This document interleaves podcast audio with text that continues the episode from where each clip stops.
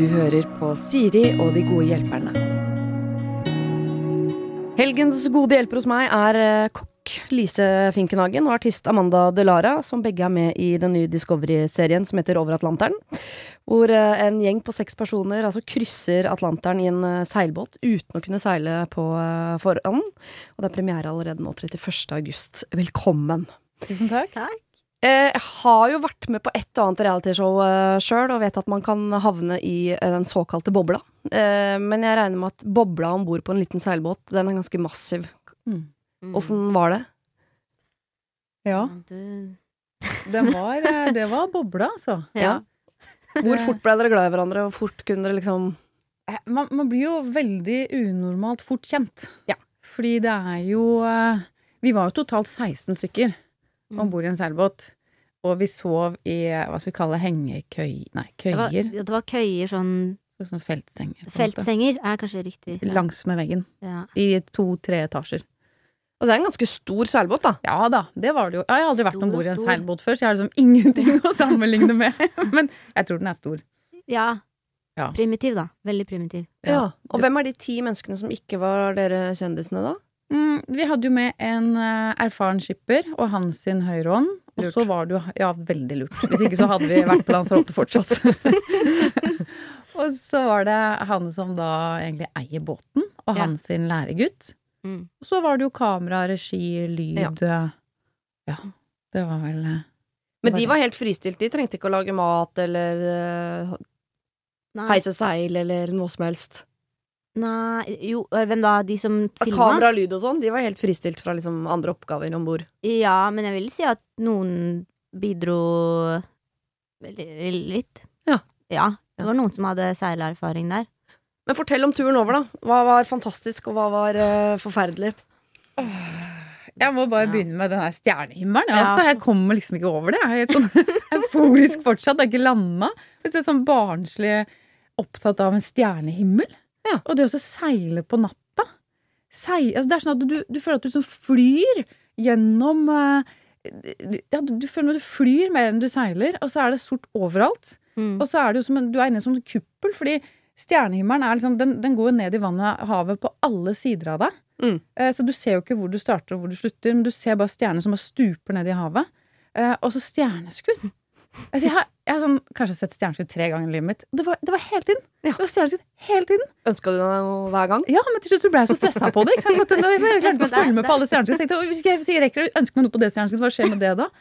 Og så kom jo eh, delfinene opplyst av Morild, liksom som sånne torpedoer mot båten. Og det er nesten så du ser de smiler, ikke sant? Når de hopper. Og, og Amanda lærte seg sånne Du kommuniserte med de. Nei, det som jeg prøvde Jeg prøvde å Jeg ville at vi skulle se hval. Ja. Så jeg tenkte at hvis jeg laster ned noen hvallyder på Spotify, Mhm. og prøver å lære alle å kanskje synge det i kor, så Ja. kommer hvalen. Eller spille av det samtidig på mobilen. Men det skjedde jo ikke da. Delfinen kommuniserte jeg ikke så mye med.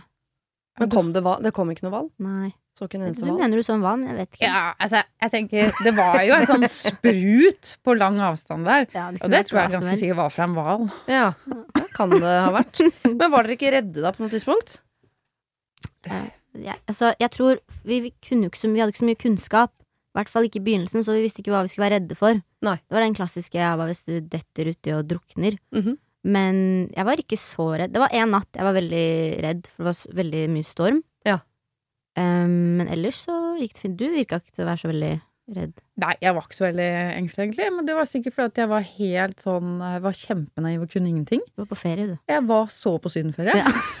Ja, men når den stormen kommer frem, eksempel, hvem er som er på vakt da? Hvem står ved roret da? Nei, da ble jeg bare Den ene gangen var det Emilie og jeg. Vi ble sånn dytta litt sånn ja. til side, for da tok jo de, de over. Ja. Så vi satt jo sånn der Muppet-show, ikke sant. Kledd ut i seilutstyr fra topp til tå og med redningsvest og karabinkroker og stroppa oss fast og satt liksom og så på de andre jibba. Ja. Basically. Så, så da jeg følte meg egentlig som en sånn tilskuer til de som egentlig kunne seile, når det først sto til da. Ja. Kanskje ikke meningen at jeg skal avsløre det, men, men det var litt sånn. Så Det var jo han, som eide båten. Ja. Var jo veldig, han gikk jo rundt i T-skjorte og shorts uansett hvilket vær det var. Ja. Men den kvelden da han tok på seg sånn regnfrakk, smokken, da visste vi at nå, nå er det alvorlig. Når han tar på seg den. Når du tar på deg smokken, da Ja. vet du at nå, nå skjer det. Nå skjer det noe. Jeg er så uh, imponert over dere. Jeg vil jo heller ha uh, svømt i et basseng fullt av pytonslanger og skorpioner enn å seile over Atlanteren. Men uh, jeg kan ikke fatte og begripe at dere tør, uansett hvor mange delfiner og stjerner de måtte ha å by på på vei over der. Men jeg er mektig imponert over dere begge to. Tusen takk. Så uh, det er fint å ha dere her som gode hjelpere, for nå skal vi jo hjelpe til med alt mulig annet. Så kan ha litt tøffe tak der òg. Så hvis jeg tar på meg smokken på andre sida her, så vet Ja. dere at der er alvor, ikke sant? Så, Mhm. Ja. Ok, første problem. Uh, hei, vi er et par i midten av 40-åra som har en hytte på fjellet. Uh, der er det fint å ta fjellturer og finne på noe, og vi bruker å invitere andre til å overnatte med oss. Når vi var studenter og småbarnsforeldre, så var det vanlig å dele sånn omtrent på utgiftene til mat og drikke. Men hva nå? Hva er middels pluss spandabelt når det kommer til utgifter til mat og drikke? Er det forventet all inclusive? Helgene i året farer fort av sted, og det er ikke alltid så lett å få det til, og ordning med hver sin gang å invitere får vi ikke til. Så hva bruker gjennomsnittet å gjøre? Det er greit å ta utgangspunkt i det når inntektene våre ligger sånn cirka midt på treet. Dere kan kalle meg for Gøril. Gøril er da gift med en mann, de har en helt vanlig inntekt. Liker å invitere folk på hytta, men lurer på sånn Ja. Det er ganske hyppig, da, at de har besøk. Skal de fortsatt liksom Skal de betale for alt, eller? Splitte, eller? Jeg skjønner at det er, sånn, det er litt ubehagelig, for man vil jo gjerne være den som, som spanderer og står for alt, og, Mm. og det er jo kjempehyggelig. Men når det er gjentagende Så jeg syns ikke man skal forvente det, at det er vertskapet som står for alt, altså. Det, det syns jeg ikke i det hele tatt. Mm. Men jeg syns jo det er vanskelig å be om det som vertskap, og spørre om det. Så det må jo gjestene, de må jo være såpass oppgående at de tilbyr seg det. Mm. Og spør liksom er det noe, eller ikke er det noe vi skal ha med, hva er det vi skal ha med? Mm. Eh, Virker jo ikke som de gjør det, da, siden de har havna i dette problemet. Sitter Ja. og spanderer helg etter helg og bare jeg- håper at noen snart skal tilby seg å ja, men jeg skjønner jo at det er jo helt nydelig for gjestene. Ja. Som de kommer jo opp på fjellet og får låne hytte, og det er sånn, ja, all inclusive hytte som, som venner Det er jo helt gull. Alle ønsker seg jo det, selvfølgelig. Mm. Men jeg syns jo det er litt, det er litt gnient, altså. Det er litt rart ja. hvis vennene dine ikke I hvert fall etter flere ganger. Vi har jo sånn, Jeg har en vennegjeng på Vi er sånn 20 stykk Mhm. fra videregående. Og det er ofte at vi drar på hytteturer, men da er vi alltid enige om sånn Hvis man kjøper noe da på vegne av alle, så bare sender man ut Man deler det på totalen, og så sender man ut Vipps-krav, liksom. Ja. Ja. Det er kanskje litt rart å gjøre ut av det blå. Da må man bli enig først. Men, du, men det med, det med Vipps, da, Mm. det er jo kjempelurt. Ja. For vi hadde en sånn greie i sommer hvor vi var eh, to familier som leide et hus, og da handler man jo inn ikke sant, alt til ja, mat Mm. og drikke og alt. Og så handler man jo litt sånn annenhver gang, men så legger man jo alle de regningene inn i den Vipsen, jeg er veldig dårlig på det, så jeg lærte jo det i sommer. Teknisk eh, helt eh, Lage oppgjørsskjema på Vipps, ja. Ja, riktig, Det er vår venn. Eh, og det er liksom en sånn Ja, og så deler man det jo bare. Og så ser man jo hvem som skylder hvem, og hvordan det ligger an. Ja. Og det tenker jeg er nå en sånn kanskje ganske innarbeida greie, sånn at selv jeg har begynt med det. Ja. Så det er kanskje man kan si, du, eh, den Vipps-løsningen som Det er greit, kan ikke dere bare skanne inn de kvitteringene dere eh, Eller hva dere kjøper, da, når dere Ja. handler med dere opp til hytta nå. Hvis man bare tar det sånn, så kanskje de begynner å være sånn Oi, shit, skal vi begynne å Ja, kanskje vi skal ha med noe? Kunne Mm. man ha begynt liksom med det? Du, den Vipps-løsningen, det er kjempelurt! Ja. Ja, for de har jo på en måte oppdratt vennegjengen sin litt eh, Altså, de har jo bedt har om dette problemet, bort. egentlig, for de har Ja. spandert nå i noen år, kanskje, eh, og så plutselig, som du sier, Amanda, så kommer det Vipps-greier kanskje litt ut av det blå. Men Ja. noen ganger så tenker jeg at ut av det blå er lurt, det, fordi da blir mottaker så perpleks at det er ingen som gidder å lage noe nummer ut av det. Du bare betaler det oppgjøret, og så er det blitt en ny standard for hytteturen. Ja.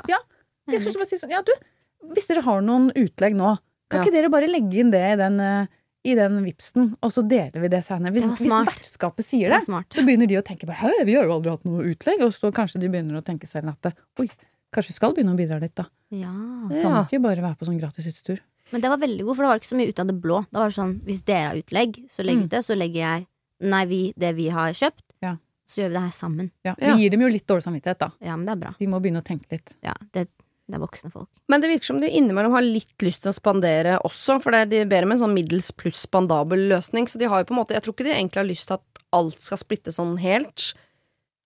Hva, eh, er, hva forventer man Det er jo litt sånn aldersbetinget òg, da, men kanskje de har lyst til å spandere liksom middagen på lørdag, eller altså Når man inviterer, så vil man jo gjerne spandere noe. I hvert fall er jeg sånn at når jeg inviterer på middag hos meg, så er det sjelden jeg sender Vipps-krav på Ja.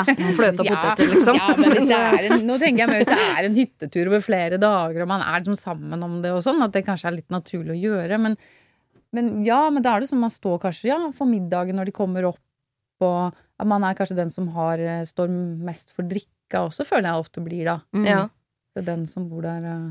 ja, for hvordan er det eh, når dere fester sammen? Hvor gammel er du, Amanda? Jeg er 24. Ja, ikke sant? Da er det, det er aldri sånn at noen spanderer drikken på de andre. Man har med sin egen egen nei, drikke. Gud, Ja. Min svigermor, som er jo da 70 pluss, Mm. hun uh, hevet øyenbrynene her om dagen når hun hørte at vi skulle i 40-årslag og måtte ha med egen drikke. Det, det syns hun var helt uhørt. Oi. Så på Ja. et eller annet tidspunkt der så skjer det jo et eller annet at hvis man har selskap, så står man ikke bare for maten, men også for drikken. Mm. Har du kommet dit, Lise? Ja, jeg føler det litt. Men samtidig så er det også øh, sånn aksept for hvis du vil ha noe utover drikke til middagen, Ja. så ta det gjerne med deg selv, liksom. Mm. For det er ikke sikkert. Vi har blandevann, men det er ikke sikkert vi har alt det du liker. Det er, ja, det er en grei måte å løse det på. Ja, det var veldig lite. Ja, for det er en melding man kan uh, takle å få. Hvis dere skal drikke noe mer enn uh, Mm. rødvin til maten, så ta med det opp. Mm. Virker jo rart å komme på en hyttetur og forvente å få alt, liksom. Én ting er sengetøy ja. og dopapir, men altså eh, hjortemedaljonger og rødvin, liksom, blir litt mye. Ja. Ja. Mm. Jeg syns absolutt man skal tilby seg å, å ha med noe. Ja. Begynne der. Gøril, hvis ikke noen tilbyr seg, så syns jeg det er lov å sende et Vipps-krav ut av det blå. Fordi folk blir altså så perplekse. Eller eh, å ta det opp når man er der. Legge på, på en måte kvitteringene på bordet og si sånn Har dere noen utlegg? Så føler de seg litt dumme, men da har du oppdratt vendingen din på nytt. Litt fælt når du Ja. sa det sånn. Jo, men det er fælt den ene gangen, og neste gang så er det den nye standarden. Ja, men man må Ja. gjøre det litt sånn uh, diskré, på en Ja. veldig fin, uh, innpakket måte. Og så tenke at det gjør kanskje litt vondt den ene gangen man gjør det innpakket og distré. Nei, og diskré. Ikke distré, det er også lov. Mens neste gang så er det ikke så vondt. Ja, Tipper jeg, da. Det er blitt en rutine. Ja, enig. Vi skal over til et uh, ganske kort og konkret spørsmål, egentlig. Men jeg, jeg skjønner at dette kan være liksom uh, grobunn for uh, mobbing på det verste. Mm. Jeg er fra Vestlandet og har alltid sagt mor og far. Nå har jeg blitt samboer med en mann fra Østlandet, og vi har flyttet hit til Oslo. Oslo øst, har jeg blitt fortalt. Vi har fått en datter som nå er åtte måneder gammel, og det er første gang eh, jeg er ute, faktisk, skriver hun her. Jeg vet ikke akkurat hvor hun er ute, men ok. Men ja, jeg vil gjerne at dette lille nurket skal si mor og far. Men eh, det er min mann meget steil på at hun ikke skal. Han mener at hun kommer til å bli mobbet. Men altså, det stemmer vel ikke. Hvor er det du er fra, Amanda? Så um, foreldrene mine og Nei, hvor, altså, er du fra Oslo? Og jeg Oslo. Uh, jeg er fra Nes. Fra Nes. Mm. Hva sier man der? Mor og far? Mamma og pappa? Jeg tror det er en blanding. der. Jeg tenker ikke på det der. Gjør du ikke? Mamma, pappa, mor og far. Jeg skal til mor. Nei, noen av, noen av vennene mine sier mor. Ja, Ok. Ja, jeg sier mamma. Ja. Noen på Nes sier mor og far, tydeligvis. Ja. Hvor er du fra, Lise? Jeg er opprinnelig fra Groruddalen, Furuset. Der er det ikke så mye mor og far. Der var det veldig lite mor og far. ja. Men blir man mobbet hvis man sier mor og far, tror du? Eh, nei, nei, hvorfor skulle man bli det? Jeg er, Nei, det har jeg aldri tenkt på at det skulle være noe rart. Nei. Nei, nei. Så øh, tenker at øh, mor og far, det kan man bare innføre, også på Østlandet. øh. Ja, men jeg syns ikke man skal tvinge på noen å si det. Må jo si det som faller seg naturlig. Hvorfor- Jeg syns ikke det er så fint når barn kaller foreldrene sine ved navn. Ja, det syns jeg er er litt veldig sånn rart. kaldt og rart, ja. Ja. Og mor er for meg også litt sånn litt mer distansert da enn mamma og pappa. Mor og far, det blir litt mer sånn Jeg føler at jeg er litt sånn eldre. Mm. Ja. At uh, jeg hadde fått høre med mor. Da er hun som mor blitt 68 ish. Men eh, ikke når hun er 28.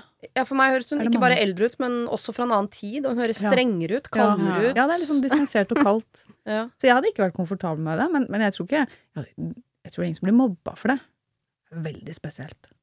Jeg syns også mobbing er drøyt, men jeg må innrømme at jeg har eh, på et tidspunkt i en tolvårsalder eller noe sånt, så eh, var jeg på en hyttetur hvor det var et foreldrepar som hadde fått barn, som prøvde å lære barnet sitt å si mor og far. Og det er jeg minner om at jeg, jeg mobbet ikke dette barnet, det gjorde jeg ikke.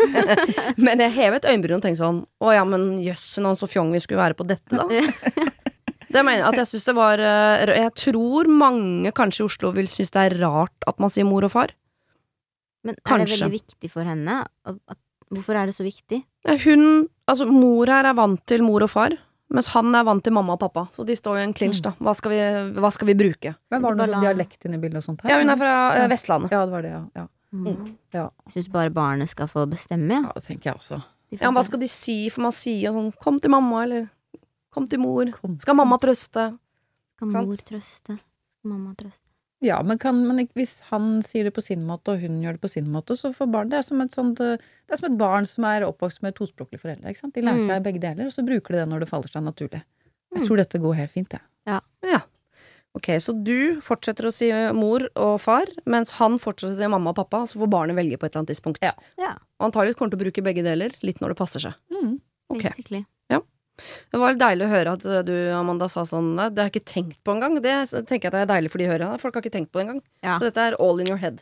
Det er mer hvis det hadde vært uh, handlet om hva slags navn barnet skal ha. Ja. Det er sånne ting man blir mobba for.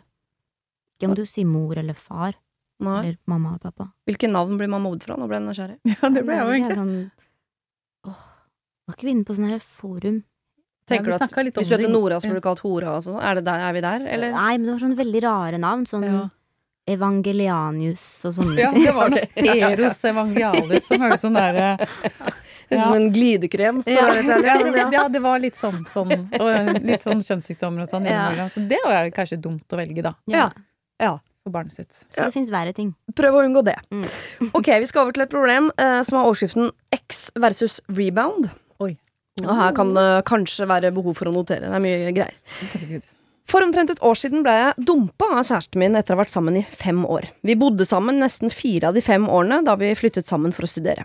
Etter studiene begynte hun å bli deprimert pga. stress og mas på jobb, og jeg ble sittende helt hjelpeløs å se på. Jeg prøvde absolutt alt som kan tenkes, men hun bestemte seg for å flytte hjem til hjembygda si fra familien rundt seg, og vi ble enige om at jeg skulle flytte etter så fort det lot seg gjøre. Kort tid etter bestemte hun seg derimot for å dumpe meg over telefon, og all kontakt ble brutt. Jeg tok dette bruddet veldig tungt, og pådro meg noe så pinglete som et knust hjertesyndrom.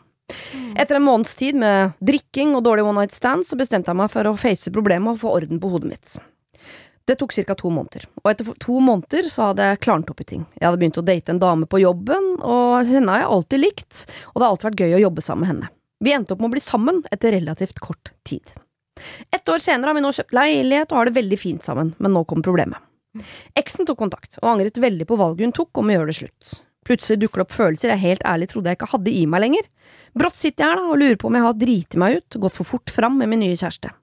Jeg vet at ting gikk fort etter bruddet, men jeg har alltid vært en fyr som bearbeider og ordner opp i ting og følelser og problemer veldig kjapt. Men hva gjør jeg nå, da? Skal jeg fortelle om dette til min nye kjæreste, og potensielt ødelegge alt sammen, eller skal jeg late som om ingenting har skjedd og at alt er bra? Hun har nok lagt merke til at jeg er litt mer distansert, og spacer ut oftere enn vanlig. Vær så snill, hjelp meg. Hilsen en 27 år gammel mann med stadig tynnere hårmanke. Oi, stakkars, altså. Stakkars alle de involverte. Ja, her var det mange hjerter å ta hensyn til. Ja, Eksen tar kontakt, eh, Amanda. Sier man det til sin nåværende kjæreste? Ja, hvis jeg hadde vært kjæresten hans, så hadde jeg satt pris på det. Ja. At Men det er jo vanskelig når han får ja, Han må Jeg føler han må finne ut av sine. Han må rydde opp i seg selv. Kanskje finne ut av sine følelser med Han må finne litt ut av hva han vil. Han, han må bestemme seg. Mm. Velge. Um, Klarer man det uten å, å møte eksen? Som jeg vil tro at nåværende kjæreste ikke hadde satt pris på om han gjorde. Jeg tror det. Ja. Ja, fordi hvis han har Hvis han har unngått henne, så Eller de hadde jo ikke kontakt på en stund, og da hadde han jo ikke følelser. Eller de, de gikk vekk. Så jeg tror at det kan skje igjen, og dessuten, det virket ikke så veldig Det virket ikke så veldig stabilt på slutten her. Nei. Det gikk jo Altså, hun såra han jo veldig, og bare brøt all kontakt og Mm. Men hun brøt jo kontakt med han midt i en depresjon, og da kan man jo ta noen valg som man, når man er på høyden igjen, mm. angre på.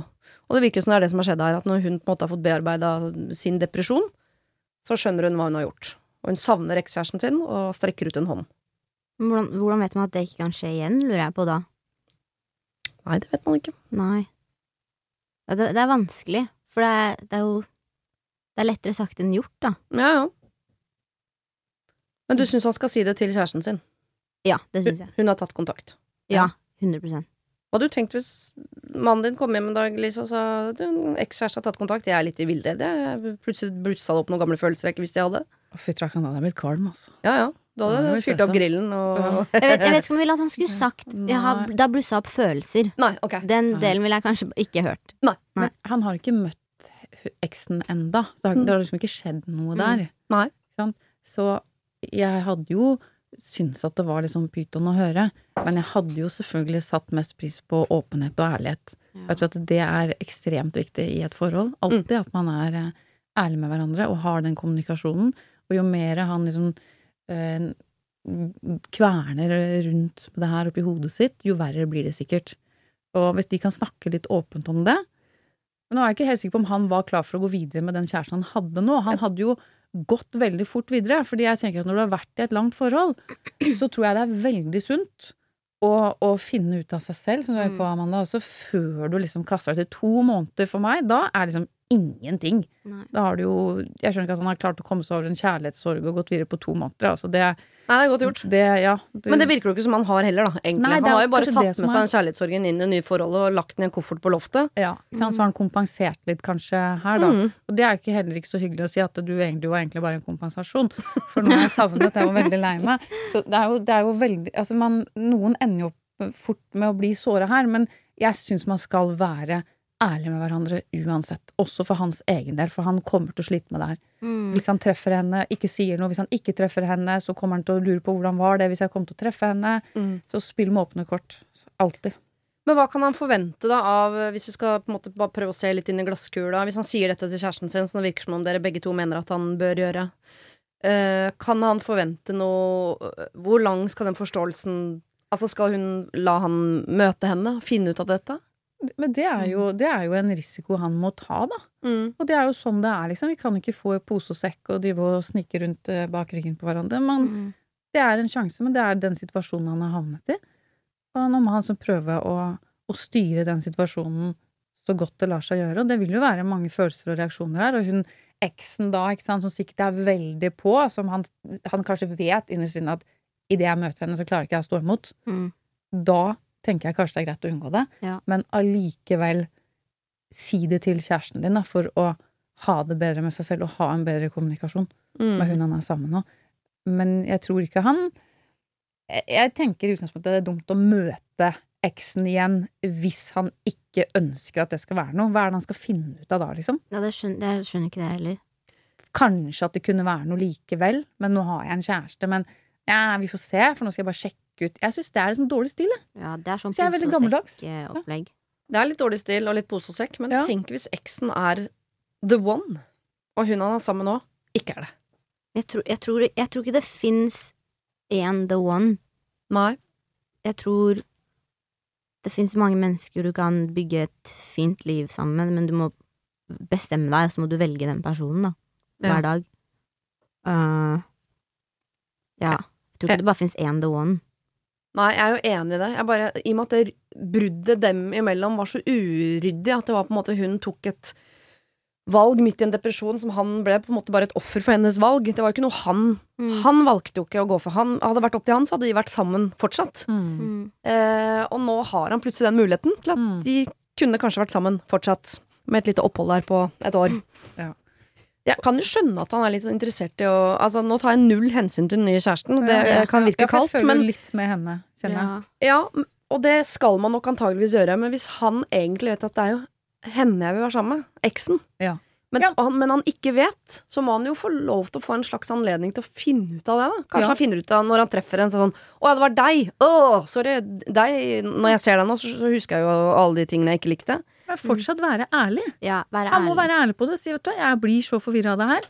Nå kommer hun, og jeg sliter med det her. Og, og hvis han da møter henne da, og så finner ut at nei, det var ikke, jeg er ferdig med det, og Mm. kommer tilbake, så er jo hun kjæresten mye tryggere. Ja. Da vet hun at det var det hun. Hun ble valgt. Hun han er kjæreste med nå. Og hvis han velger denne eksen, så var det ikke henne. Hun, hun nye. Nei, Da, og da var ikke han bra nok for henne. Mm. Nei, Så da er vi over på det, egentlig det du også sier, Amanda, at han må snakke med kjæresten sin og være åpen med henne. Men vi må også faktisk legge på det du tenkte at du ikke ville høre, nemlig at Mm. hun har tatt kontakt. Det er noe greier der jeg må finne ut av. Jeg må Mm. faktisk snakke med henne. Mm. Altså må den nye kjæresten sitte hjemme på en pinnestol og vente på om han kommer Ja, inn døra igjen eller ikke. Det er hjerteskjærende, men, Men da det får, er sånn. valg, da får hun i hvert fall et valg, og hun får noe å ta stilling til. Og det syns jeg er rettferdig overfor henne, da. Ja. Da kan hun si 'vet du hva, det syns jeg ikke er greit', så Mm. du kan gjøre det, men da da går jeg, på en måte. Da får hun den muligheten. Ja. Ja. Mm. Det er et godt poeng. Ja. At hun også må få lov til å si fra om hun syns at hun er komfortabel med det eller ikke. Mm.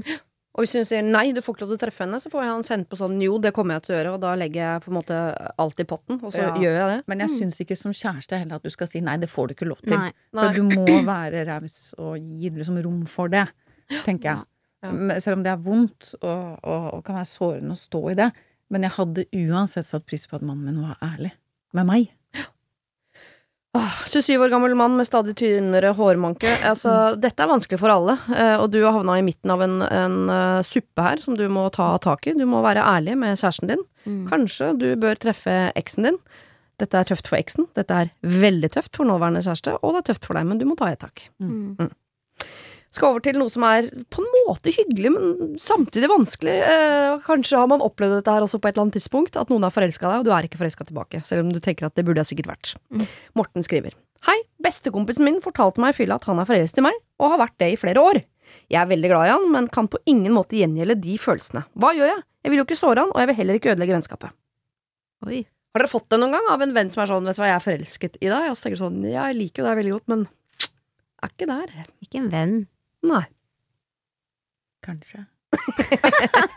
Kanskje betyr ja, Lise, det ser jeg. er ikke det litt Det skulle jo egentlig kunne vært sett på som en hyggelig situasjon, men det er jo vanskelig. Det er veldig vanskelig. Mm. For da, det er et eller annet det, Den vennen tar jo en risiko ved å fortelle det. Mm. Og den er villig til å ta den risikoen også, sikkert fordi det er så masse følelser der. Men så er det så vondt å bli avvist, og det er så fælt å avvise. Mm. Eh, og så gjør det noe med dynamikken i vennskapet, altså. Ja. Det gjør det. Mm. For du, du, du merker hvordan du begynner å tekste, hvordan man begynner å snakke sammen. Man begynner å ta litt sånn Man begynner å tenke litt. Det er hvor Mm. vennskapet kanskje flyter. Man har ikke tenkt på det. At dette kunne ha vært en mulig kjæreste. Da snakker man litt sammen på en annen måte. Mm. Og så plutselig er det liksom følelser inne i bildet. Så, så gjør det noe med dynamikken i vennskapet, tror jeg, da. Det spørs jo hvor lenge, hvor lenge hadde de vært venner? Var det sånn barndomsvenner? Lenge nok til å være bestekompiser, i hvert fall. Ja. Vet ikke. Åh, uff, den er er mm. Åh, den er vanskelig. Men hva er det verste da, hvis man, har, øh, hvis man er forelsket i bestevennen sin og man har sagt det? Det, er jo, det skal man ha applaus for, for det syns jeg er fint at man tør Ja. å gjøre. Ja. Og så bør man klare å ta imot det som et kompliment, egentlig. Men jeg skjønner at det blir Mm. kleint. Men det verste vil jo være at man også mister vennen sin. Ja. Mm. Jeg tenker det er det som er så noe av risikoen her. Og da må vi prøve å bevare det, da. Hvordan skal Morten klare å bevare vennskapet? For han kan jo ikke bli sammen med bestekompisen sin for å være grei. Nei. Vær snill. Mm. Hvis de er veldig bestekompiser, og det er så masse kjærlighet mellom dem, så tror jeg at de sikkert kan finne en måte å fortsette vennskapet på, men jeg tror det samtidig har forandra seg litt. Jeg tror det beste de kan gjøre, er å sette seg ned og snakke sammen Ja. om det.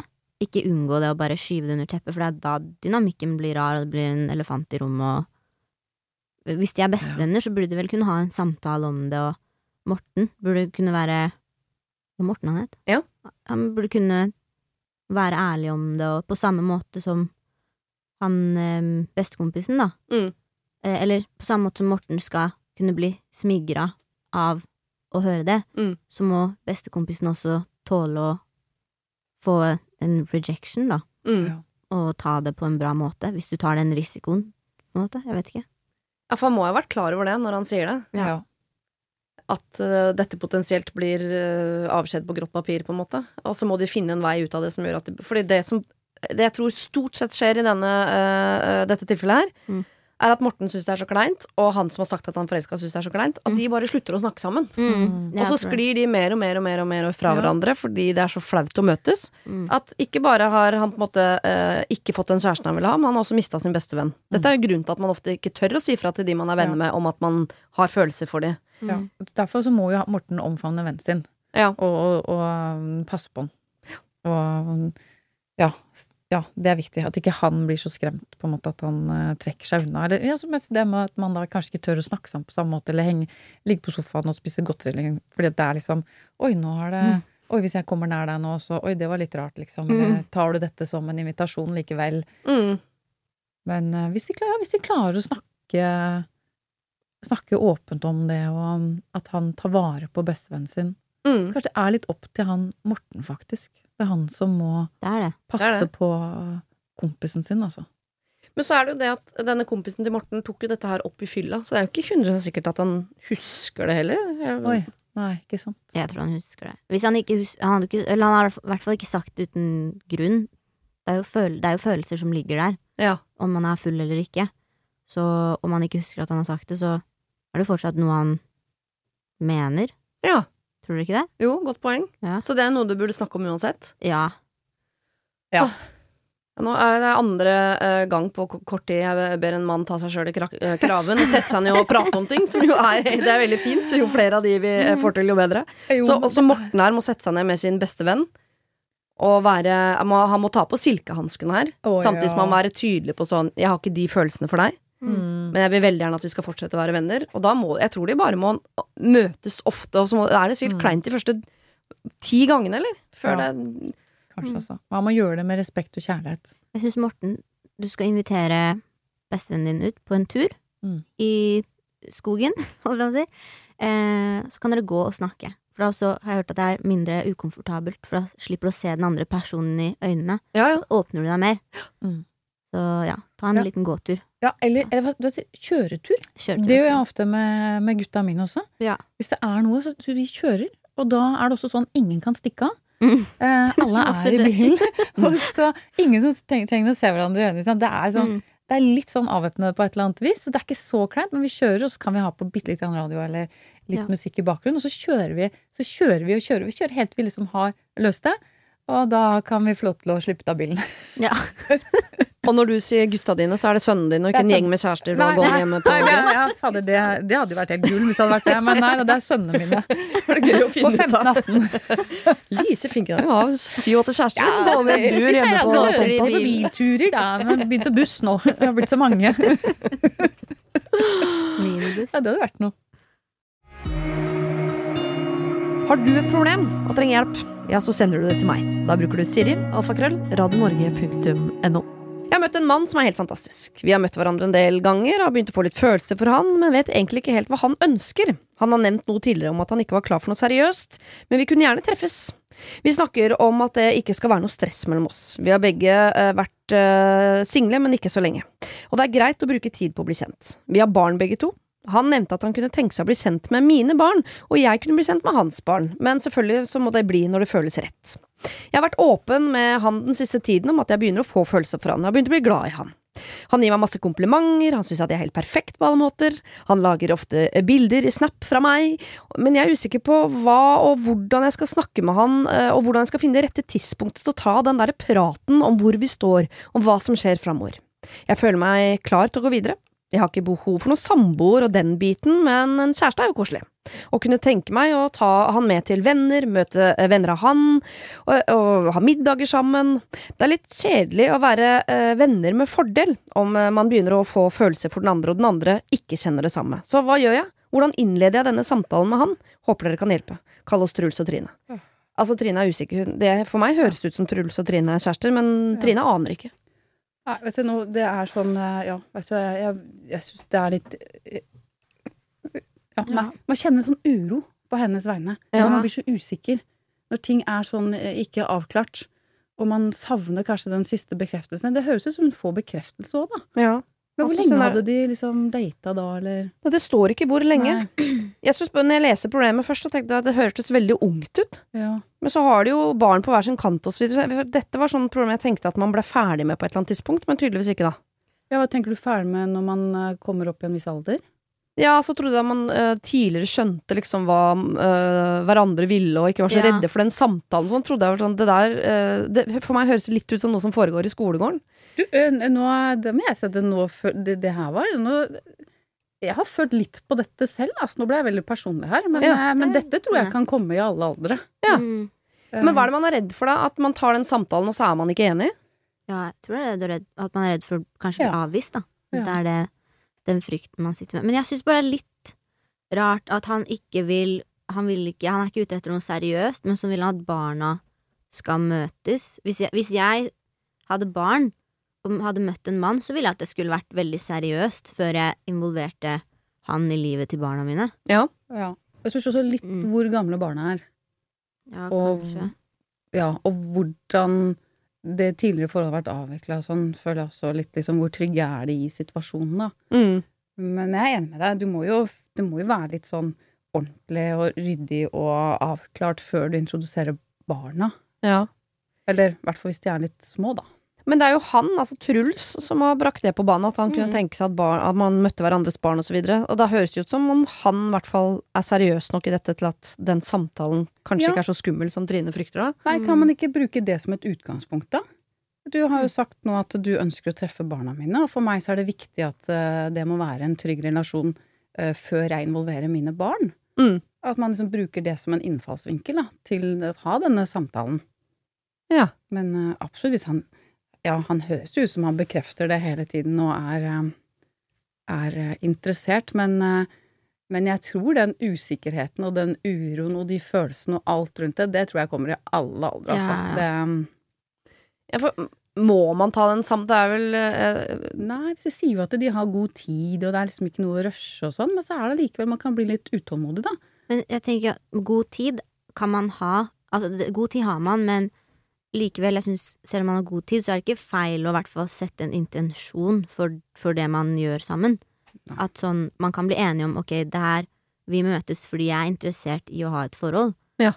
Eh, at man setter den, at hun er ærlig på det. Mm. Eh, og han har vært ærlig på det, han har sagt jeg er ikke ute etter et forhold. Eh, så jeg syns ikke han på en måte har gjort noe sagt noe galt heller. Nei, fordi han har sagt det, ja. Ja, Mm. han sa jo det. Så han ikke så for seg det.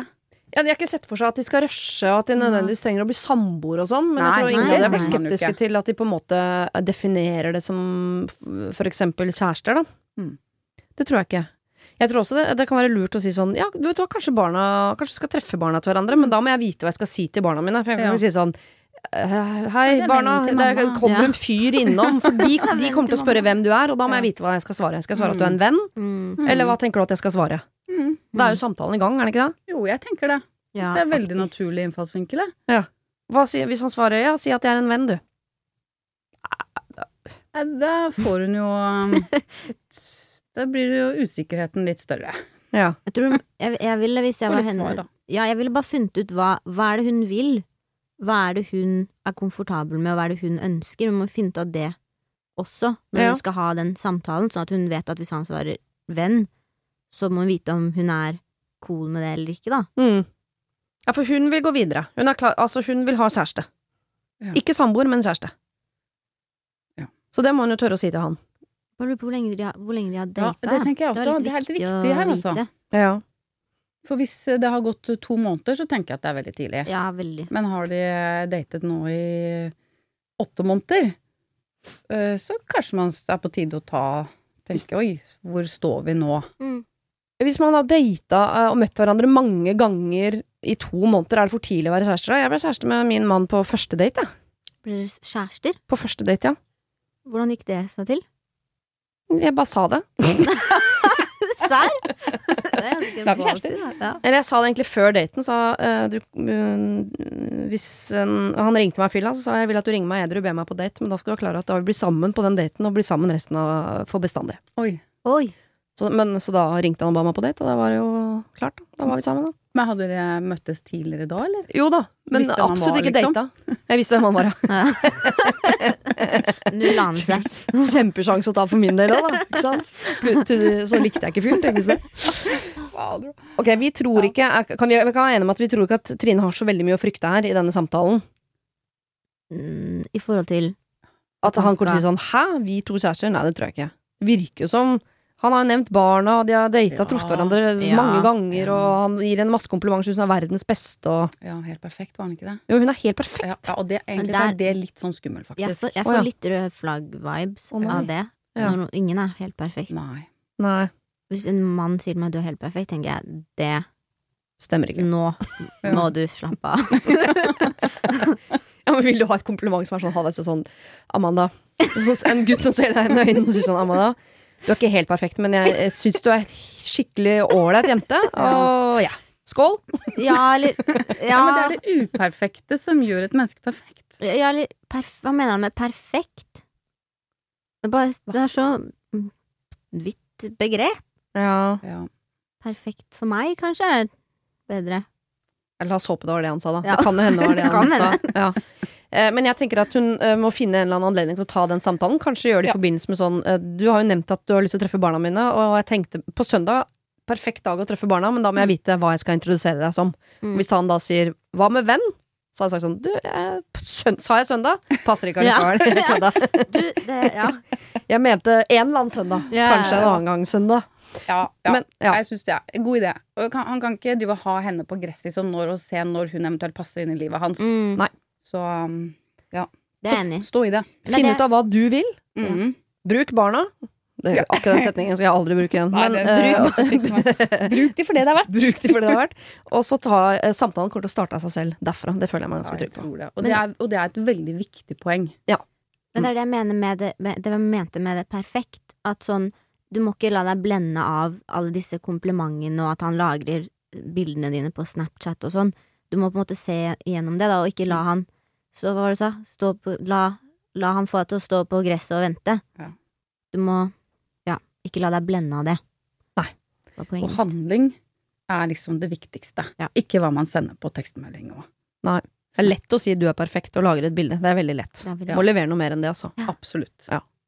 Dere, nå må dere ta på uh, headset, for nå skal dere få et uh, problem her som uh, Oskar, som jobber for Mental Helse Ungdom, har hentet inn til oss.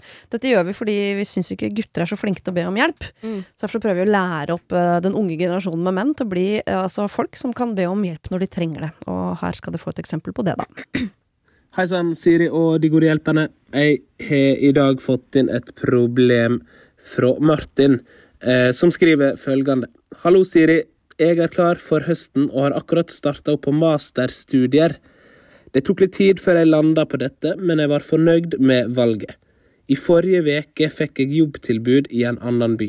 En jobb som jeg egentlig ikke tenkte jeg kunne få før etter masteren. Så nå står jeg altså med masterplass pluss jobbtilbud og er svært usikker på hva jeg bør velge. Jeg har jo lyst til begge deler, men det er i to forskjellige byer og blir rett og slett umulig for meg å få til. Kan jeg få litt hjelp? Med vennhilsen Martin. Så hva bør Martin velge? Han står mellom master eller jobb. Master eller jobb, hva hadde du valgt, Amanda? Mm, jobb. Fordi Altså hvis det er en jobb han vil gjøre, Mm. så blir han også kasta i praksis, da. Og da lærer han jo på den måten òg, og så får han gjøre det han har lyst til. Mm. Tenker du det samme, Lisa? Ja, jeg syns det var kloke ord, eh, Amanda. Og jeg tenker den masteren kan man vel kanskje ta på et senere tidspunkt. Ja. Ja, den forsvinner jo ikke. Men hvis den jobben er nå, og, og det å så jobbe, komme seg ut i arbeidslivet, få erfaring, det er alltid veldig verdifullt. Mm. Og en master, den eh, kan du ta senere. ja. Ja.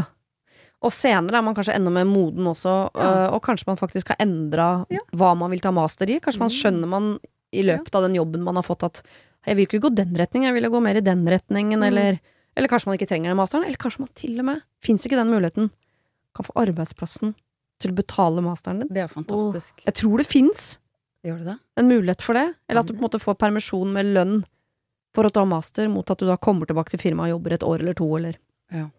Jeg tror det fins. Ja. Ja. Jeg, jeg stemmer for å komme seg ut i arbeidslivet. Altså. ja, jeg også.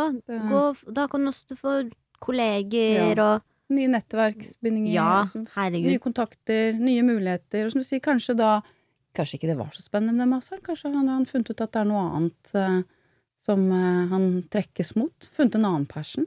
Ja. Mm. Han er en ung gutt. Føler det er lettere med jobb enn med master, ja. Og så blir man jo lei av å studere òg. Ja, gud. Skulle tro det. Det var deilig å få litt sånn pause fra uh, skolebenken. Mm. Gå ut og gjøre noe. Jeg har jo gått på yrkesskolen, da, så jeg, og På skolen, jeg begynte jo å Du snakker med to helt feil representanter her. Jeg er feil eh, person til å stille spørsmål. Jeg har ikke vært i nærheten av å lukte på en master eh, i mitt liv, jeg heller. Så det Ja, jeg ungdomsskolen. vet knapt hva det er. Ja, nei, så jeg har ikke noe forhold til master. Veldig gøy å jobbe. Men jeg syns, jeg syns egentlig ikke vi er feil. Jeg syns egentlig vi er helt riktige personer å spørre, fordi vi gjør begge noe vi elsker. Det er sant. Og det syns jeg er mye viktigere enn å ta en utdanning bare fordi at du skal ta det. Det er så riktig. Hanna. Ja, det er sånn Jeg tror du kommer til å finne mye mer glede i det, da, å bare ja, gå etter det du elsker, og så ikke tenk så mye på disse papirene, holdt jeg på å si. Nei, og hvis han tenker på papirene, hvis det er den CV-en han tenker han hva ser best ut på CV-en, så tror jeg master står vel på ganske mange CV-er etter hvert, men den relevante jobberfaringa, den tror jeg på en måte kan gjøre deg unik i bunken, da. Mm. Mm. Unik i bunken, det sa jeg ikke, okay. Så ta jobben! Ja, Ta ta, den, Martin, ja. Kjør på! Ja, Vi støtter go deg. for it. Ja. Vi heier på deg. Tre av tre mulige mener at eh, jobb trumfer altså master i denne forbindelse, så det er absolutt det du skal gå for i denne omgang. Mm. Vi skal over til et uh, bryllup. Mm. Et uh, vanskelig et sådan.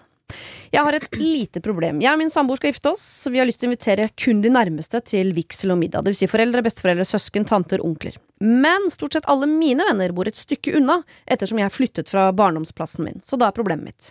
Skal jeg invitere de vennene det gjelder med partner også på vigsel og middag, eller skal jeg bare invitere de til kaffe og fest? Det er jo litt langt å reise 50 mil for bare en fest. Lokale middagen skal være i, eh, har ikke plass til så veldig mange til middag. Men det kunne gått med familie og de vennene mine som det gjelder. I samme bygg vil også de tilreisende kunne overnatte, da dette lokalet er et slags motell. Så det ville kanskje vært rart at vi satt og spiste middag mens noen av kaffegjestene bare sitter på rommet sitt og venter. Men jeg har jo tenkt litt på hvordan dette vil se ut, da det er mine venner. Samboeren sier at det er helt i orden for han om de kommer på vigsel og middag, men det vil ikke være plass til noen av hans venner, noe som er helt i orden for han. Jeg har flere venner som uh, kun blir invitert til kaffe og fest, men de bor jo øh, Han har flere venner som kun blir invitert til kaffe og fest, men de bor jo betraktelig nærmere. Det er ikke aktuelt å leie et større lokale for å invitere flere til middag, ettersom dette var drømmeplassen, og jeg vil ha uh, hoveddelen intim. Hva kommer svigermor til å tenke? Kall øh, oss gjerne for Tuppen og Lillemor, og det er litt tilleggsinfo her, altså det er 28 stykker da til vigsel og middag, Mm. eventuelt syv stykker venner med partner av de tilreisende vennene hennes man kan legge til i tillegg. De bor 50 mil unna. Eh, Skal vi begynne? Er det litt mye å forvente at man skal reise 50 mil for uh, kaffe og fest? Kaffe og fest? Ja. Hadde du reist 50 mil for en kopp kaffe og litt Hvor langt er det? Kan vi bare Er det Shetland Er det eh, Bergen, Shetland, Shetland, Bergen. Veldig rart å dra inn Shetland. Altså, Altså, hva- referanse på Atlanta. Var sånn, Nå har vi seilt Bergen, Shetland, Shetland, Bergen, Bergen, Shetland. Og ingen av oss vet hvor Shetland er i forhold til Bergen. eh, jeg tror vi, eh, familien hennes er fra nord, altså Nord-Norge. Ja. Så Ok. det må, Det det må flys. altså. Mm. Å, det må flys, ja. Jeg tror det må flys. Og hvor, hvor lenge er Altså, hva, hva er middag? Hva altså, hvor Er det bare noen timer, liksom, og så hjem igjen? Altså Hele liksom, hoveddelen av et bryllup foregår jo gjerne på dagen. Da er det vielse, og så får de et eller annet å gjøre mens brudeparet tar uh, foto. Og så er det en middag med alle taler Det er på en måte selve bryllupet. Mm. Og så er det party på slutten. Da går ofte de eldste hjem, og så er det vennene som fester. Er også, det, det er ganske vanlig å bli invitert til kaffe og fest i bryllup. Kaffe? Jeg blir så forvirra av kaffen, jeg, da tenker da er det Er det lunsj? Nei, nei, etter eh, at de hadde delt brudekake Nå tar jeg det mest liksom typiske eh, bryllupet som fins. Mm. Etter at de har delt den fireetasjes brødkaka sammen. okay. og matet hverandre med den, Ja. og danset en litt sånn klønete vals som alle ser på. Mm. Så går man inn i dagligstuen. Nei, 100 år, sier Kristiansen. Med mor og far. Eh, der står det kaffe avec, kan velge mellom Baileys og konjakk. Oh, ja. Og så starter festen. Ok. Så er du villig til å fly inn fra nord for å ta del i Kaffe vekk og kaffen? Du kan sikkert få te, da. Men uh, Hvis jeg hadde vært en veldig Fest. god venn av meg, så hadde jeg Jeg hadde flydd. Ja. Jeg hadde blitt glad for å få invitasjon, jeg. Synes det hadde vært Men, men jeg, jeg, Men hvis de kommer da, hvis, hvis sånn flytider og sånn og ankomst da blir sånn at de kommer tidlig på dagen, eh, men de får jo ikke plass da i kirken eller på middagen, så skal de sitte og vente. Eh, liksom sånn Ja, er det kaffe snart, da, tru? Og så får du liksom sånn tekstmelding klokka halv åtte. Nå kan dere komme. Takk for det. Det minner meg om da jeg var på besøk hos, hos Da var jeg, var mindre, da. Da jeg var barn. Og så Mm. var jeg på besøk hos venner. Og så var det sånn De skulle spise middag, så var det sånn Du kan vente på rommet, du. Ja, det er sånn. Mens vi det er sånn. spiser kjøttkaker. så hadde du kjempelyst på kjøttkaker, men du bare lukter det. det er litt den viben jeg får. Det er ikke så hyggelig. Nei. Nei. Mm, Og ideelt sett så skulle jeg sikkert ønske at det var annerledes, men det, det er jo alltid en del sånn logistikk som blir klønete, og som Ja. krasjer med følelser og behov og alt det der når man skal gifte seg. mm. Hvordan ville du løst dette? Jeg tror at um, Uff, nei. Hva hadde jeg gjort da, da? Jeg dro til Toskana. Det var jo så lurt. Ja, Bare Ja. Det var plass til alle. uh, som ville. Men um, hvis det er veldig nære venner, så jeg tror kanskje det hadde vært nesten litt, litt sårt også sånn at man skal komme veldig langveisfra for å sitte på rommet og lukte de andre spiser kjøttkaker, Ja. og så komme til tjukkisen, liksom. Mm. Um, men samtidig så har jeg lyst til å gjøre det for vennen min nå, selvfølgelig. Og så jeg hadde nok gjort det, Mm. men jeg hadde kjent litt på det. Og som uh, uh, brud også, så hadde jeg også kjent på det. At Mm. jeg syns det er kleint at jeg veit at eh, vennene mine sitter på rommet sitt akkurat nå, mens vi koser oss her. Så hvordan kunne man ha løst det? Kunne du ikke hatt noe opplegg Mm. for de vennene, da? Et eget lite arrangement? Ja. De, kan man ta kjøttkaker med opp til de, liksom? Holdt jeg på å si. Ja, eller at de har et eller annet alternativ opplegg, sånn at de blir Ja. sendt. Sånn at de er litt klare. Mm. At ikke de kommer sånn k- kleine og edru til kaffa vekk, liksom. Og ingen vet hva noen heter og Lite Ja. vorspiel. Ja, Ja, men det er gøy. Ja. Det tror jeg de fra nord er jo liker sånn. Vi vet ikke så akkurat Ja. hvor de er fra, da. Ja. Nei, sant De er fra nord. Og de er fra nord, Nord-Norge. Ja, ja. Ja, ja. Nordlendinga står det. Ja. Mm. Ja, ja, ja. Ja, det er en god idé. Ja. Men hvem? Det blir jo da hans venner. Mm. Og hennes venner. Ja, det er perfekt! Bryllup er jo Altså, I hvert fall hvis de er single. Ja. Det er jo der the magic happens. Det er jo, jeg, tror de, jeg, tror, jeg tror de hadde likt det. Mm. Tror du ikke det? Sånn singelparty på vingen, liksom, som Ja. kommer inn til eh, festen. Ja. Ja, dritgøy. Da blir jo de tanke. kjent, og så blir det jo, da blir det jo også festen hyggeligere òg. Ja. Mm. Eller så blir det sånn hook up-party. Men, men hvor mange de hadde plass Hvor mange som var på selve 28. 28? Mm. Og så er det da eventuelt 14 ekstra, var det det? Hennes, og det var kun Bare hennes. bare hennes venner. Det tenker jeg Kunne man ikke ha fordelt det der litt bedre, da? Mm. Ja, for jeg tenker altså øh, Jeg syns det er gøy å jobbe med sånn. For, for meg er dette øh, menneskelig Tetris. Mm. Jeg ville for det første ville hatt alle på vielsen. I kirka er det plass til alle, har Ja. jeg lest. Ja, der, der, eller hvis det er en kirke eller hva det er. Der må det være plass til alle. Mm. Og jeg tror det er ganske vanlig at etter kirka så er folk vant til at en del av, av gjestene må finne på noe. Ikke sant? Jeg tenker at hun tar sine syv nærmeste, han får sine syv nærmeste, uten partner. For guds skyld, hvorfor skal partner være der? Med mindre det er en, det også er en av de nærmeste.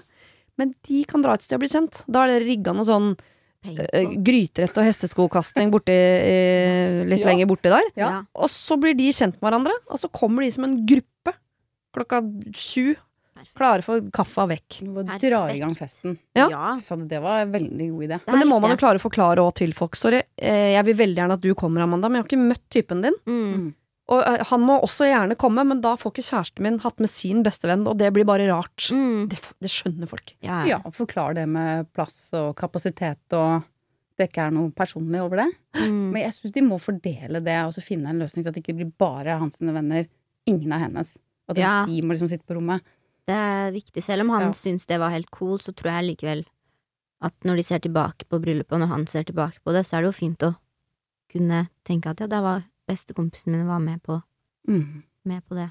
Ja, for da er det bedre at han får syv venner, enn at hun får syv kjærester av vennene sine som er der. Ja. Ja. ja Så avhengig er man ikke av kjæresten sin. Man klarer å spise mat uten kjæresten Ja, sin. Ja. Det bør man få til. Men da må det forklares, vi har snakket om det Ja. tidligere i dag, i forhold til Vipps-krav og sånn. Skal det komme ut av det blå, eller skal dette forklares, og hvordan? Skriftlig? Man ringer rundt? Ja, Kanskje ring. forklare det liksom personlig. Mm. Det er ikke en tekstmelding, men sånn, ja, gjør det litt Det er jo mest sannsynlig ganske nære venner. De prates vel eh, relativt da hyppig sammen, vil jeg tro, Mm. siden jeg er invitert til bryllup. Og jeg tror jo at alle gode venner vil ha forståelse for det, Mm. når man bare er ærlig på det og legger det frem akkurat sånn det er. Så altså, uh, beklager, nå skal du rigge et bryllup. Nå ber vi deg også i tillegg til å rigge bryllup, så må du ringe alle vennene dine, og han må ringe alle sine, og du må også rigge en parallell fest for det er nordlendinga. Veldig koselig, altså. Veldig Ja. hyggelig. Tenk meg å komme dit sjøl, jeg. Jeg også. Ja. Jeg tror, og det verste av alt, det er slemt å si altså, men det er den festen som kommer til å være den morsomste. Ikke sant? Mm. Ja. Det er jo det, vet du. Ikke for moro og tante og sånn, men for venner. Ja. Folk orker ikke alle de talene og sånn, vet du. De kommer til å sette er pris på det. glad for å slippe unna. Men de er det. Det sa vi ikke høyt. Ok, et siste problem her. For noen måneder siden så fikk vi vite at eh, pappa har fått en unge med en annen dame for mange år siden. Han og mamma visste dette en stund, men de har ikke sagt noe til oss barna. Dette barnet er bare ett år yngre enn meg, altså 22, og nå vil de at vi treffes. Og det burde vi sikkert. men de har nå sagt at hun skal være med oss på hytta i fem dager. Er det litt mye, eller? Jeg merker jeg er irritert allerede, og jeg har ikke engang spurt hvor hun skal sove, men jeg har jo på følelsen av at det blir på mitt rom. Jeg skal være hyggelig, jeg, altså, men hva kan vi snakke om da? Jeg har jo ikke snakket ordentlig med mamma og pappa om dette engang. Kan vi snakke om pappa? Kan vi snakke om hennes familie? Kan vi snakke om utroskap? Eller blir det smalltalk om serier og den slags? Kall meg Anette. Oi, Anette. Dette, Ja. ja. Nei, fem dager på hyttetur med en du aldri har møtt før, som appåtil er halve, Søstera di? halvsøsteren din. Er Det det- er litt sånn voldsom start, eller? Ja, det syns jeg var Det ser litt dårlig ut som foreldre, altså. Ja, de Ja, foreldrene må ta den praten med Ja. Anette først. Bare Ja. få clear up eh, i lufta, og Anette sitter jo med masse spørsmål, virker det som. Ja, det vil jeg tro. Og søstera hennes sånn. Ja. Kanskje de, og kanskje de vil ha begge på hytta, og så forklare alt for begge der. ja, men da vil jeg ikke sagt sånn fem dager. Det er mye. Det er bare hytte. Det blir rart. Ja, man må ha en mulighet, man må i hvert fall føle selv at du har en mulighet til å komme deg litt unna. Hvis du Mm. trenger litt pause og litt eh, pusterom fra denne situasjonen, som Ja. sikkert fort kan bli ganske klein. Og Men- følelsesmessig uh, slitsom. Ja. Det er en grunn til at jeg har spart dette problemet til dere. Fordi dere har jo vært på en båt Ja. Hvor man ikke har den exiten. Mm.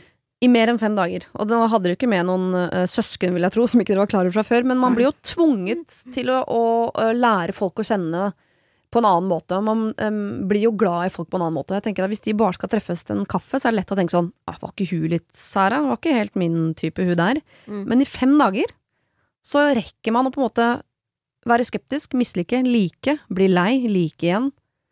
Kanskje, ja, Det høres helt jævlig ut, men kanskje det er lurt.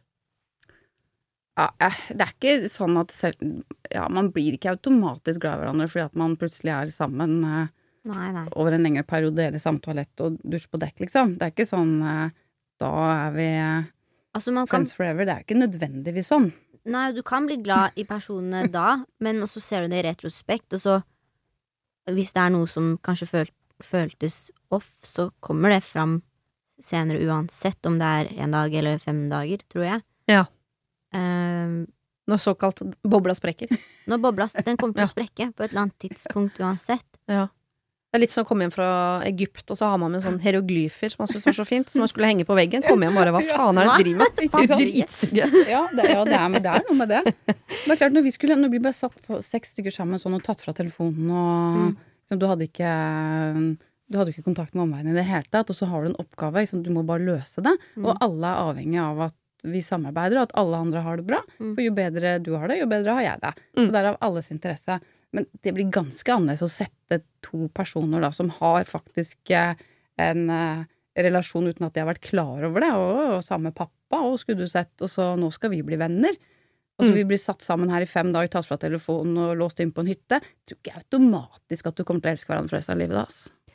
Nei, men de må jo nødvendigvis bli ganske godt kjent, da. Ja, men det er ikke sikkert Det tror jeg kan slå alle veier, altså. Jeg tror ikke Mm. det er noe sånn oppskriften på et vellykka søskenforhold. Nei. Så jeg ville ha tatt det litt mer forsiktig. Syns det er fint at det møtet ikke er eh, fem dager på en hytte. Jeg Det var det er- veldig mye. syns det er rart at foreldrene liksom ikke har spurt sånn Anette, hvordan er du Hva føler du om det her? Hvordan er du komfortabel med hvordan, Ja, hvordan, hva hadde vært komfortabelt for deg, da? Mm. Og jeg føler Anette må få stille litt mer krav til foreldrene sine, kanskje, og jeg syns hun burde få velge litt mer. Bare fordi at pappaen hadde en one night stand, liksom, for 22 år siden og har en baby, så kan han ikke bare komme og bestemme at nå skal dere bli bestevenner. Nei. Nei. Syns det er litt rart, jeg. Jeg tror de må få lov til å ta det i sitt eget tempo. Mm. Jeg introduserer de for hverandre. Kanskje la de få lov til å være litt sånn alene sammen. Og så bør denne pappaen selvfølgelig, han må jo på banen. Han Han må må banen. jo snakke med barna Spille sine. ball, ja. Mm. og forklare hva som har skjedd her. Og, så, og hun som da Men hun mammaen til Anette, var hun eh, Hun, hun også visste om dette. Ja, vet ikke hvor ja. lenge, men lenger enn Anette, i hvert fall. ja. Og da, så, som Anette så hadde jeg følt meg litt sånn snytt, da. For herregud, her har dere gått nå rundt og visst ting om livet mitt, og så er det ingen som har sagt noe til meg. Mm. Jeg ville gjerne hatt en liten sånn forklaring på det. Før jeg ble satt sammen med halvsøsteren min på en hytte i fem dager. Mhm. For det er på en måte ikke Det er jo ikke Anette Det er, ikke, det er jo ikke hennes problem. Altså Nå blir det plutselig hun som må Ja. løse dette. Mm. Hun har jo bare plutselig nå kommet inn i en situasjon som veldig mange andre har visst om, bortsett fra henne. Mm. Så um, Jeg syns at hun eh, fortjener en eh, litt uh, mer forsiktig tilnærming til uh, sitt nye Ja. liv. Samtidig som dette også er jo uh, Anette og denne halvsøsteren Det kan jo være en gave, virkelig, å få en Det eh, det. søster inn i livet sitt. Jeg skulle ja, gjerne hatt en Det søster, jeg. Det er, det er best scenario. Og de to har jo en mulighet til å på en måte ikke rotte seg sammen, men de to uh, kun, kan jo kanskje få en ganske sånn fin dialog hvor de sammen kan riste litt på hodet over denne faren og så videre. Mm. Så jeg ville, hvis Anette vært litt voksen, og sagt sånn at pappa, dette, for det første vil jeg at vi skal snakke litt om dette før den hytteturen, for å være helt ærlig. Mm. Uh, så at ikke dette blir en dansk dogmefilm der oppe. Ja. Uh, og jeg vil ha muligheten til å treffe søsteren min, gjerne uten dere, før Ja. vi drar opp på den hytta. Ja. Og så syns jeg fem dager høres litt mye ut. Ja, ja. Med Bra to-tre dager, på en måte. Men at uh, jeg syns det er fint at de blir på en måte satt i en slags sånn uh, skip over Atlanteren. Ja, Så, men, Sånn at de må sånn at ikke de, den exiten er sånn med en gang søsteren din er irriterende, så kan du gå av, liksom. Mm. ja, men jeg syns, de skal, jeg syns det skal være rom for at de får lov til å kjenne litt på det, og finne litt ut av det på egen hånd. De er jo ganske store, disse, da. De er jo Mm. ikke, de er jo ikke tolv år. Så det syns jeg man skal gi dem den respekten og, og muligheten til å finne litt ut av det på egen hånd. Så kanskje Anette skal være den eneste voksne i familien, og rett og slett eh, riste mor og far litt og si sånn jeg vil treffe søsteren min på egen hånd. Ja. Og dette må vi snakke om før den hytta. Hun skal ikke ligge på mitt rom, og det blir ikke fem dager. Nei, det blir jo helt Det blir jo blir- altfor dumt. Ja. Nei, for hun må dele rom med eh, pappaen og stemoren sin, Det høres veldig rart ut når du er sånn 22 år. Ja. Jo, jo, det er ikke, jeg vet ikke hvor mange soverom det er på den hytta. Nei. Man kan ikke legge av et telt utafor heller, det blir veldig rart. Ja, Det, det er blir enda verre. kjempepopulært med sånn hengekøye og sånn. Jo da, Hengekø i treet Ja. mens de andre sover inne. Det er veldig populært. kjempepopulært. Men da har man i hvert fall mulighet til å, å gå ut. Gå ut, ja, ta med deg hengekøye. Ja. Jeg syns det var en eh, god plan du eh, la frem der. At de må treffes Ja. først på egen hånd. Jeg synes det òg, For Ja. da kan hun ta enda mer stilling til det. Det er ikke så ukjent. Da er det ikke sånn tvangstrøye. Sånn nå må dere bli kjent, og dere må bli kjempeglade i hverandre, og ingen som kan stikke av, for nå, nå er vi Nå er vi en storfamilie, family. Ja. plutselig. Og så håper jeg, og tror egentlig, at Anette og denne halvsøsteren kan jo få en ganske sånn kul relasjon, hvis de klarer å le litt av det, av han Pappaen. Jeg tror det pappaen. òg. Anette virker ganske cool. Ja. En kul jente. Jeg tror Og Ja. mamma nå, egentlig, som på en måte Ja. Hun skal jo være med på denne hytta, men Ja, og datteren det- som plutselig Og Ja. det tenker jeg, hun er jo superraus uh, oppi dette. Ja. virkelig Som uh, Ja, det er kjærlighet. Det er kjærlighet. Jeg skjønner ikke hvordan det har skjedd. Jo, Dette- dette en, jeg har jo en viss formening om hvordan dette har foregått. Ja, jeg skjønner ikke. Det er den tidslinja her. Skurrer litt, da. Jeg Tipper jobben til pappa. Ja, Ja. gud. De hadde julebord Ja. for en stund siden. Han hadde eh, unge i bleiealderen, var litt sliten og lei. Dro på julebord. Ned med buksa. Mhm, Rett ned, inn på kopirommet.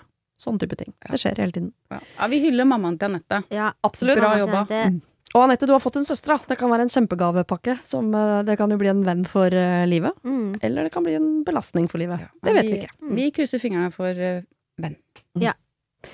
Eh, jeg gleder meg veldig til å se eh, det på tirsdag 31. august at dere skal krysse Atlanteren eh, sammen. Eh, og jeg vet at det går bra i og med at dere er her i dag. Så det blir veldig veldig bra. Og så sier jeg tusen takk for at dere vil hjelpe til. ja. Veldig. Takk for at vi fikk komme. Det var det. Husk å sende ditt problem til siri at radionorge.no om du vil ha hjelp. Denne podkasten er produsert av Klynge for Bauer.